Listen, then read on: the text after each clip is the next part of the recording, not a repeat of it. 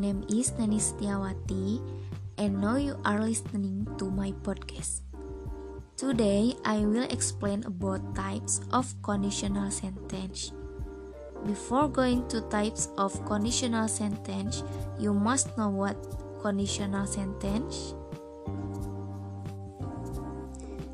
The conditional sentence is a complex form of sentence or compound sentence, which is formed from a subordinate clause that begins with the subordinate conjunction if in the form of a condition and a main clause which is also a result or consequence.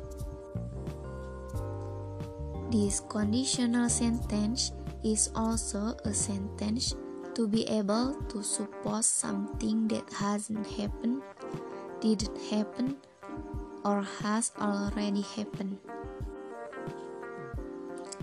This sentence also consists of two parts, namely the independent clause, which will be the main sentence, and the if clause, which also has a conditional statement. Types of conditional sentence. Number 1. Conditional sentence type 0. This type of conditional sentence is used to say a fact by using the formula if then. Formula if plus simple present simple present or simple present plus if plus simple present.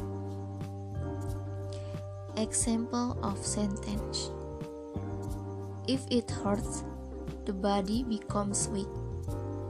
Or the body becomes weak if it hurts. Number 2 Conditional type 1 this type 1 conditional sentence is used to say something that might happen in the future or is usually called the present real. Formula if plus simple present present future or present future plus if plus simple present Example of sentence If you neglect the, the patient, the patient condition will worsen, or the patient condition will worsen if you neglect the patient. Number 3 Conditional sentence type 2 These types used to say something that is very unlikely to happen, or in other words, it is almost impossible to have or is present unreal. And this conditional sentence is suitable to be used to express dreams and dreams. Formula If plus past tense past future or past future plus if plus past tense. Example of sentence If I become a doctor, I will eliminate the cost of treatment for the poor.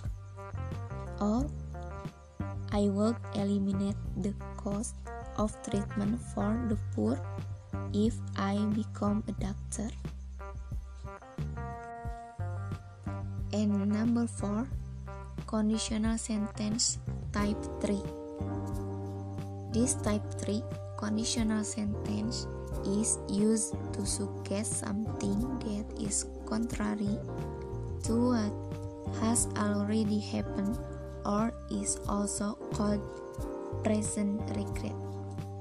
Formula if plus past perfect plus past participle Example of sentence If I had picked up the phone, I would have been able to talk to mom. So, for the discussion from me, I'm sorry if there are many shortcomings.